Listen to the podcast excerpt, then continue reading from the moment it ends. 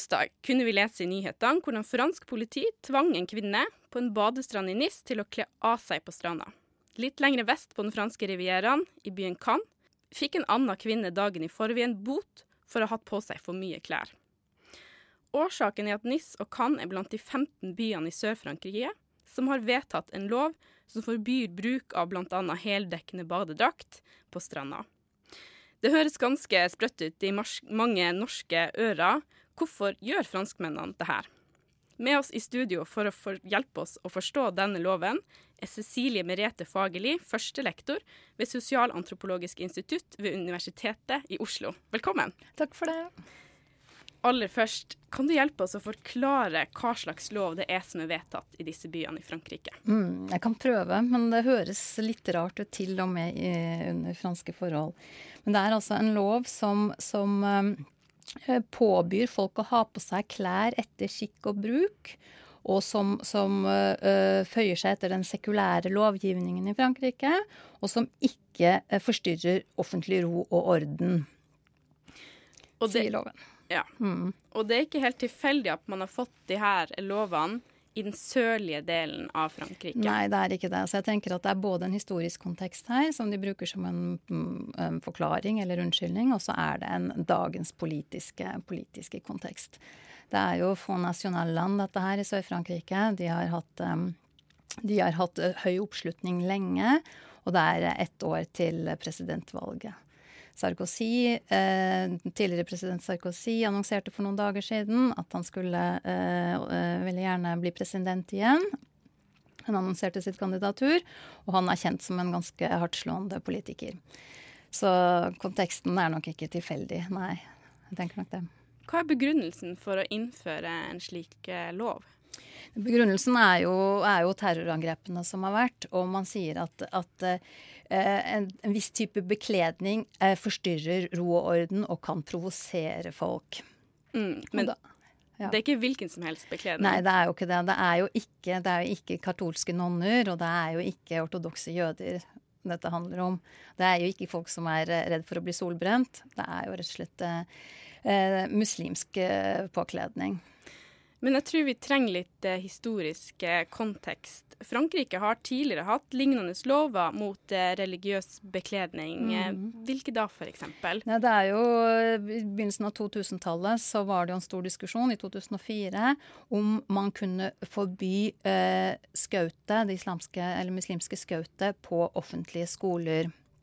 Og da eh, brukte man eh, loven fra, to, eh, fra, 1905 om laicité, som er et strengt skille mellom stat og religion i Frankrike. Frankrike har jo ikke eh, statskirke. Det er ikke en statsreligion.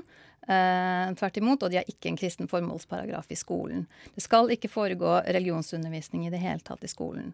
Og det brukte man som begrunnelse for å forby eh, alle elever å gå med religiøse hodeplagg eller religiøse symboler i den franske offentlige skolen.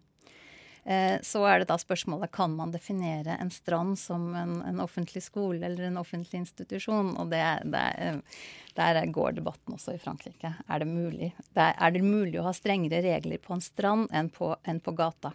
Mm. Og også i forlengelsen av det her, det gjelder jo ikke bare Det har ikke alltid bare gjaldt eh, muslimsk bekledning. Det er jo på en måte hva er det som er liksom grunnen til at Frankrike Det var nok, eh, altså I 2004 så var det nok muslimsk bekledning man var ute etter, men man var jo nødt til å definere også kippa og, og altså jødisk bekledning også, og, og store, store, kors. Eh, man var nødt til å definere under, det, under, den samme loven. Men det var nok muslimer man var redd for der også. Det er jo muslimer man har vært redd for. Man har skapt en sånn frykt rundt muslimer i, helt siden Le Pen eh, entret banen på slutten av 70-tallet, begynnelsen av 80-tallet så har det vært en sånn økende grad av frykt for eh, kobling av eh, uh, usikkerhet og frykt koblet med um, til muslimer, da. Men Så det her med at Frankrike skal være et sekulært land, det er bare noe man gjemmer seg bak, eller? Nei, altså det er nok det er jo, altså De bruker det jo som altså f.eks. statsminister um, Manuel Walls han sa jo også det at dette gjør vi for å frigjøre kvinnene. ikke sant? Altså Det er en sånn, det skal være likeverd mellom kjønnene. Dette er en lang tradisjon for frigjøring i Frankrike. sånn at de bruker det jo De går jo veldig ut og, og sier at dette eh, de, la, de kan ikke la religionen undertrykke folk på den måten. Hendelsen der hvor eh, kvinnen måtte da kle av seg en, eh, tunika som hun hadde på seg, har det vekka noe oppsikt i Frankrike? Det har vekket enorm oppsikt. Det er jo, debatten er jo, er jo, veldig veldig heftig, og veldig mange feminister går ut og forsvarer kvinnen, selv om jeg, jeg har lest mange som kommenterer at selv om jeg ikke, ikke kan fordra eh, hijab og, og, muslimske hodeplagg og den type religiøsitet, så er det ikke, eh, religiøse, så er det ikke muslimske kvinner jeg er imot, som, som, som mange har hatt, mange har sagt da. Så, så er jo, er, den er jo klaget inn, for nå skal den diskuteres i dag i nasjonal, eh, på nasjonalt plan i Paris. Så det er jo, det er jo en kjempedebatt i, i Frankrike også. Hva, hva, sier den egentlig om dagens Frankrike, denne loven? Den sier at uh, situasjonen er ekstremt spent. Ekstremt spent, ikke sant. Altså, Hollande har også lagt seg på Han er sosialist. Uh, regjeringen nå er jo sosialistisk. Har lagt seg på en veldig, veldig hard linje, han også, etter terrorangrepene. Veldig, veldig hard retorikk, ikke sant. Så det er veldig, veldig, veldig splittete fronter. Og, og verre kommer det sannsynligvis til å bli mot presidentvalgkampen. Altså Helt siden, siden 80-tallet så har høyre, høyresiden, både med Le Pen, men også høyrepartiet til Sarkozy og, og, de før han, har jo lagt seg på denne, på denne usikkerhet, frykt, fryktdiskusjonen, mens sosialistene ikke har greid å komme opp med en alter, alternativ eh, definisjon av hva fellesskapet be, skal bestå av. Tror du flere byer i Frankrike vil vedta lignende lover?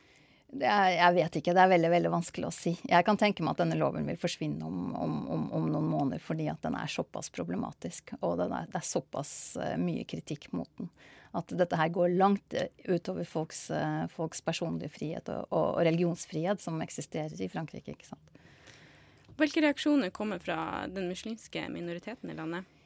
Uh, oppgitthet oppgitthet og en altså, følelse av at det er økende islamofobi, virkelig. Så det er, ja. Mm. Er, man er oppgitt. Mm. Ja. Men er det ingen som eh, på en måte forsvarer det her med at Frankrike lenge har vært og det viktige viktig del av fransk identitet er at man er et sekulært land? Jo, altså det er det, det, er det, det, er det relativt stor oppslutning om altså i store deler av samfunnet. Eller jeg vil si hele, hele, samfunnet, egentlig. Men kan man definere en strand som en offentlig institusjon? Det er det det, er det, det går på. Det personlig frihet står opp mot, eh, mot uh, sekularismen. Og sekularismen kan ikke gå så langt inn i privatlivet til folk, er det jo mange som, som sier. Mm. Ingen tvil om at vi må følge med på hva som skjer i Frankrike fremover.